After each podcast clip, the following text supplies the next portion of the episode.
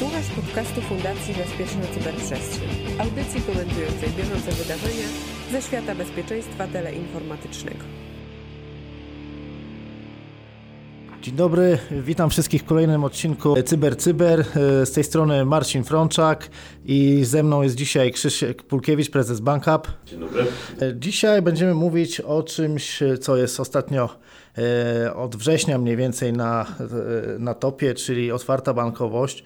E, Krzysiek, dla mnie trochę brzmi to jak oksymoron, tak? Ja wolałbym, żeby moja bankowość była zamknięta, tak? I, i, i powiedz, co, co to oznacza? E, tak, można to postrzegać jako oksymoron. Zawsze bankowość była czymś takim, powiedzmy, hermetycznie odizolowanym, jeżeli chodzi o dostęp i, i ściśle regulowanym, ściśle e, zarezerwowanym tylko dla tych e, instytucji finansowych, e, które, które znamy w obecnym kształcie. Otwarta bankowość, ona nie jest tak naprawdę otwarta całkowicie, tak? To za chwilkę powiem, czym jest dyrektywa i kto tak naprawdę ma prawo do tej naszej bankowości, czy twojej bankowości się dostać, bo to, to nie jest tak, że każdy. No ja mam nadzieję właśnie. Więc e, otwarta bankowość jako, to jest szersze pojęcie, tak? Ono obejmuje różne działania polegające na dopuszczeniu do danych finansowych jako nowego strumienia danych, tak jak mamy dane social, mamy dane nie wiem, geolokalizacyjne, mamy dane e, związane z naszą aktywnością w sieci, tak samo dane finansowe są nowym strumieniem danych. I otwarta bankowość ma za zadanie dopuścić do tego nowych aktorów, nowych graczy na rynku. No ale z uwagi na to, że to są dane finansowe, no to, to, to jest, ci aktorzy muszą być regulowani.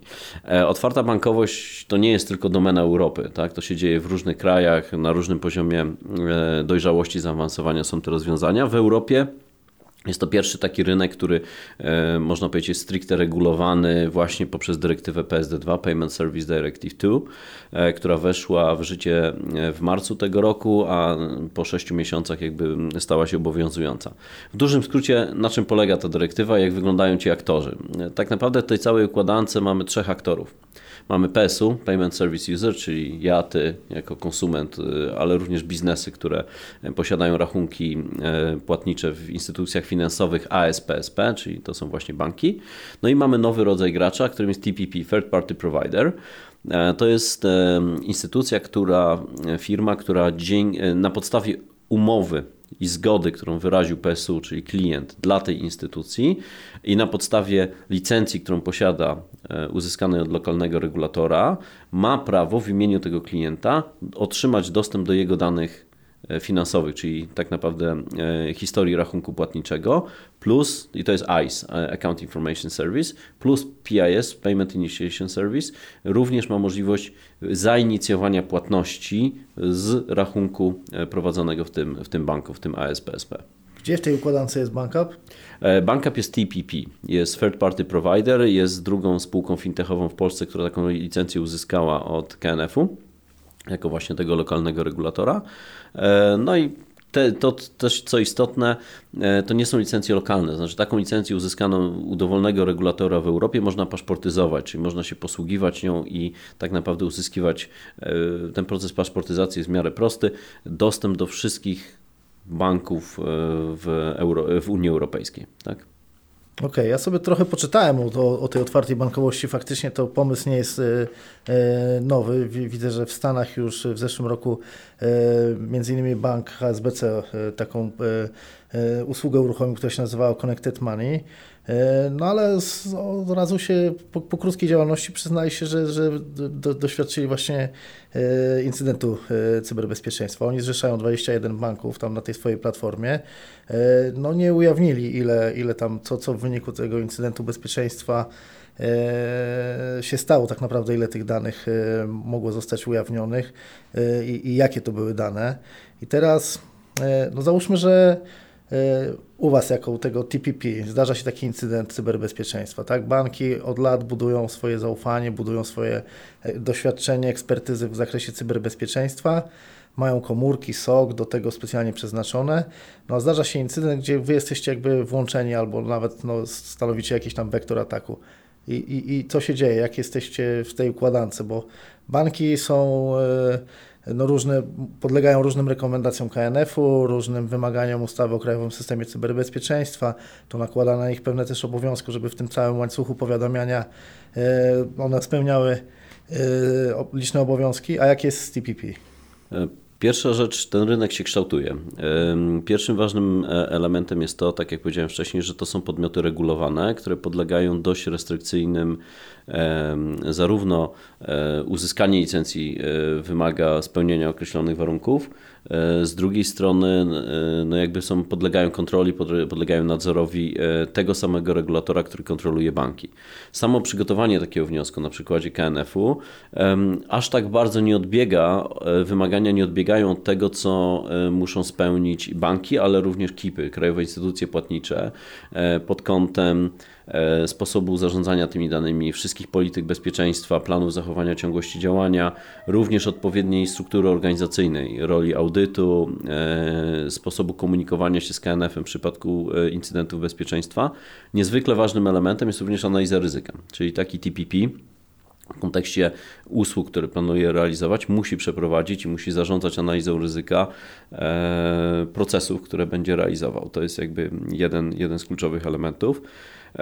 Dlaczego też ważny jest ten aspekt bezpieczeństwa? Oczywiście oprócz samego konkretnego ataku, tutaj ja widzę poważne zagrożenie dla samego konceptu otwartej bankowości, bo wyobraźmy sobie sytuację, że któryś z TPP, e, który do, był obiektem takiego ataku i faktycznie doszło do, do kompromitacji czy, czy wycieku tych danych, tak naprawdę to nie jest tylko problem tego konkretnego TPP i jego klientów, ale to jest problem całego konceptu otwartej bankowości, bo, e, bo to oddziaływuje na wszystkich graczy, wszystkich TPP e, i, i jakby e, no, gdzieś zaburzenie tego zaufania, które się tak naprawdę buduje dopiero właśnie PSU, czyli klientów do, do tej koncepcji.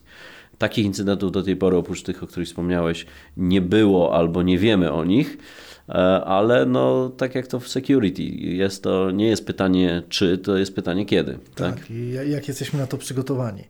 Yy, Okej, okay, ale wspomniałeś o audytach. Wy podlegacie jakimś audytom KNF takim yy czy, czy oni mogą wejść do Was z kontrolą, Was z, y, jakby to, co napisaliście tam, żeby uzyskać koncesję? To oczywiście tak, oczywiście okay. tak. Takiego, to, to, to jakby jesteśmy przygotowani. Wnioskowanie o licencję to nie jest proces jednorazowy, gdzie po prostu uzyskujesz licencję, tylko tak naprawdę wszystkie rzeczy, e, które e, były wdrożone, które były deklarowane do wdrożenia, jeżeli mówimy o jakiejś takiej roadmapie bezpieczeństwa, one muszą być i, i, i tutaj jesteśmy gotowi, my jako TPP mamy nadzieję, że inni TPP również, na to, że to są mechanizmy, które będą podlegały cyklicznej, ciągłej kontroli i, i, i taka, jest, taka jest rola, taka jest odpowiedzialność, którą też bierzemy na siebie, tak? Okej, okay, a jeżeli chodzi o e, technologię, bo ja rozumiem, że to z, no wy jakoś jesteście, po, banki ma, muszą wystawić swoje API e, ustandaryzowane, żeby można było właśnie, żeby dostawać się do tych danych, e, mając rachunki na przykład w różnych bankach. E, no wy też takie API wystawiacie, tak, które jakby integruje te, te, te tak, tak, tak rozumiem, to, tak, te API. To wygląda to w ten sposób. My jakby jako banka, bo tutaj warto wspomnieć, my pełnimy jakby dwie role. My pełnimy rolę TSP, Technology Service Provider, czyli dostarczamy rozwiązania technologiczne dla innych podmiotów będących już TPP, między innymi są to banki, współpracujemy z bankami, czy gdzie dostarczamy technologię, dzięki której te banki nie muszą, czy ci TPP, mówiąc ogólnie, nie muszą integrować się z każdym z pozostałych graczy na rynku, tylko tak naprawdę integrują się raz z naszym interfejsem, a my jakby za, zarządzamy zmianą, zarządzamy sposobem, w jaki ta komunikacja się odbywa. No i to są rozwiązania, które są wdrażane, już są wdrożone w, w, w można powiedzieć, nie, nie, nie wszędzie live, ale wdrożone w siedmiu różnych bankach w Europie. No i to jakby samo z siebie wymaga, żeby ta technologia e, podlegała, ona musi podlegać wszystkim rygorom bezpieczeństwa, o których mówiłeś wcześniej i tym doświadczeniom, które banki mają. Tak? A z drugiej strony jako TPP e, to samo rozwiązanie, czyli ta sama platforma technologiczna jest wykorzystywana do tego, żebyśmy my mogli w naszym imieniu jako TPP dostawać się do danych naszych klientów. Więc mamy tu pewną przewagę e, z uwagi na to, że no nasze rozwiązanie już przeszło testy bezpieczeństwa, testy penetracyjne, audyty bezpieczeństwa w, powiedzmy w takim najbardziej rygorystycznym środowisku, jakim są banki. E, no i jakby nie odpuszczamy i podobnie, podobnie e, czy, czy te same mechanizmy, a nawet, nawet czasami, czasami troszeczkę więcej używamy po naszej stronie. Tak? E, więc, więc to, to tak to wygląda. Jeżeli chodzi o technologię, bo pytałeś o technologię. Właśnie chciałbym tak, żebyś, na ile, na ile możesz oczywiście, tak, o tych technologiach, jakie wykorzystujecie przy projektowaniu tego typu rozwiązań, no a także trochę o bezpieczeństwie, tak? Oczywiście też na ile możecie... Oczywiście, oczywiście. E, pierwsza rzecz, no to my jesteśmy, my musimy obsłużyć cały model bezpieczeństwa, który wynika z dyrektywy, tak? To bardzo krótko wspomnę o tym. Tak naprawdę e, tutaj są takie dwa kluczowe elementy. EIDAS, czyli, czyli certyfikaty. Z jednej strony certyfikaty TLS-owe, którymi TPP przedstawia się względem ASPSP, tak? I jest E, jest potwierdzana tożsamość tego TPP. To są certyfikaty wydawane przez kilka instytucji e, tylko na podstawie licencji, którą posiada, posiadamy. E, no i to jest jakby pierwszy krok. Drugi, że, drugi krok no to są wszystkie mechanizmy bezpieczeństwa w samej komunikacji. To są API restowe wystawiane przez banki, jak również przez nas. Te komunikaty są szyfrowane, zapewniana jest autentykacja, niezaprzeczalność, nie, nie niezmienność tych komunikatów, więc to są mechanizmy jakby natywnie wpisane w dyrektywę i one muszą być, one muszą funkcjonować. Więc to jest jakby pierwsza linia obrony. Drugą linią obrony jest to, że e, no, żadna z tych operacji typu wydanie zgody na dostęp do rachunku, czyli zainicjowanie płatności nie może się odbywać bez udziału banku jako strony odpowiedzialnej za silne uwierzytelnienie e, klienta czyli silne uwierzytelnienie w kanale natywnym, tak? I z użyciem biometrii, z użyciem e, no, tych wszystkich trzech składowych, które tam mogą być. Więc to TPP, nawet mając zgodę klienta, no dalej e, wymagane jest uwierzytelnienie przez bank, więc to jest tak jakby ta drugi, druga, drugi element bezpieczeństwa, e, czyli rola, którą odgrywa tutaj bank. No trzeci element to jest oczywiście technologia, tak? Czyli zarówno w modelu, którym my wdrażamy nasze rozwiązania e, dla innych TPP, nasze API nigdy nie jest wystawiane na zewnątrz, jest konsumowane przez backendowe aplikacje, które na przykład dostarczają później te dane do aplikacji mobilnych czy do kanałów elektronicznych bankowości elektronicznej, więc jakby nasze API nigdy nie jest eksponowane na zewnątrz, to jest takie backend to backend. Więc to, to jakby jest pierwszy element. E, w przypadku, kiedy to nasze API wystawiamy do partnerów, którzy z tego korzystają, no to też to nie jest publicznie dostępne API. Zawsze jest to jakiś backend, który, e, a, a, a dostęp do samych danych i transfer pomiędzy przykład aplikacją mobilną, czy tym, co widzimy w internecie, no to już są natywne kanały nasze albo naszych partnerów, więc to jest takie API, powiedziałbym, backendowe. Technologicznie, no to po pierwsze, my jako nowy technologicznie podmiot nie mamy żadnego legacy. Tak? Od początku działamy w technologiach, które wybraliśmy z silnym naciskiem właśnie na to bezpieczeństwo.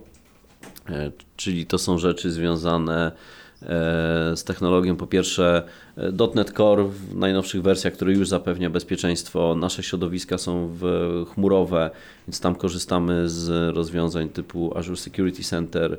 E, one oparte są o API Gateway, który jakby kontroluje ruch pomiędzy tym, co po naszej stronie i światem zewnętrznym. U naszych klientów to są ich API Gateway.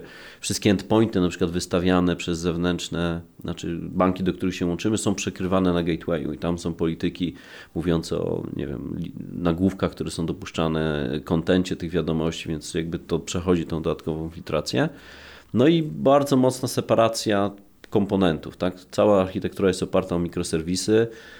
One są, e, działają w oparciu o orkiestrację na, na, na szynie, więc to też pozwala e, odpowiednio wbudować to bezpieczeństwo w samą architekturę rozwiązania. Tak? Okej, okay. dla zdecydowaliście się na też wykorzystać Azura tak? w, tej, w, tej, w tych technologiach. Co, co było takim głównym e, powodem, żeby to zrobić? To znaczy, to nasze rozwiązanie też ewoluowało, jeżeli chodzi o technologię. Pierwotnie e, my jesteśmy dotnetowi, tak? jeżeli chodzi o spółkę i, i to jest ta nasza korowa technologia. Pierwotnie nasze rozwiązanie opieraliśmy o natywne komponenty ażurowe, czyli Azure Service Bus, Azure SQL, Cosmos DB, bo też używamy bardzo dużo no, nie-SQL-owych baz danych, no i te komponenty infrastrukturalne, tak, czyli oprócz komponentów e, związanych, takich natywnych, to też kilka maszyn wirtualnych, e, Data Vault do przechowywania kluczy, e, Azure Service Security Center do, do bezpieczeństwa i do jakby skanowania tej, tej całej infrastruktury. Później z uwagi na to, że część naszych klientów tych TPP również jest ja nie mówię, że jest on-premise, jest na ścieżce dojścia do chmury, e, więc też podjęliśmy decyzję o zmigrowaniu i skonteneryzowaniu całości. E, używamy tutaj Dockera e, i, i Kubernetesa, no co powoduje, że mamy tą taką bardzo fajną przenoszalność, portability między rozwiązaniami on-premise, hybrydowymi rozwiązaniami i, i tym, co, co jest czysto chmurowe. No i żeby utrzymywać, to takie powiedzmy trochę lenistwo i wygoda, żeby utrzymywać jedną wersję, no to nasze komponenty też już coraz bardziej praktycznie wszystkie mikroserwisy deployujemy jako, jako kontenery, tak? Tak to wygląda. E, jesteśmy też przez to, powiedzmy, chmuroagnostyczni, tak? czyli możemy to zdeployować w dowolnej chmurze. W kontenerach mamy maszyny Linuxowe już, to już nie jest Windows. E, no i możemy to zainstalować na dowolnym e, zasobie chmurowym, na dowolnym zasobie on-premise. Tak? Jesteście cloud ready. Właśnie to wspomniałeś o tym, że już wasi potencjalni partnerzy już, już gdzieś mają w perspektywie rozwiązania wykorzystanie usług chmurowych. Możesz zdradzić już coś, z, z kim rozmawiacie, które z banków się, to co jest publicznie, tak też może dostępne. To znaczy, nie mogę mówić o konkretnych bankach, bo, bo też w kontekście rozwiązań, które nie są jeszcze uruchomione, to, to jakby mówimy o tym w momencie, kiedy jesteśmy live w pełni, e, ale na pewno wiemy, że banki, banki chcą iść do chmury, tak? wiemy, że i to dla nas też jest strategiczny kierunek z uwagi właśnie na banki, które są też naszymi klientami, chmura krajowa. To jest, to jest e, jeden e, Mam nadzieję, że w styczniu już będziemy mogli oficjalnie ogłosić partnerstwo z chmurą krajową. Jesteśmy już bardzo, powiedzmy, finalizujemy pewne ustalenia, e, ale chcemy zaoferować instytucjom finansowym, nie tylko bankom, ale tym, które też są regulowane albo mniej lub bardziej sposób, większy sposób, również możliwość wykorzystywania naszych rozwiązań opartych o chmurę krajową. E, I wiemy, że banki tam w tą chmurę się wy, wybierają, więc mam nadzieję, że te z nich, które są naszymi klientami, e, no też skorzystają z tej możliwości. Tak? Wiemy, to, to co zapytałeś publicznie wiadomo, tak? E, prezes Adam Marciniak powiedział, że chce w ciągu dwóch lat bodajże dwie trzecie banku przenieść do chmury. E, ostatnio BOŚ, Bank Ochrony Środowiska, też deklarował silną współpracę i migrację. Moim zdaniem no, no to, to, to jest ten kierunek. Tak? E, a dla nas to jest pewna, powiedzmy, takie rozwiązanie. Chmura publiczna czasami jeszcze jest, y, powiedziałbym, nie najłatwiejszym tematem w bankach.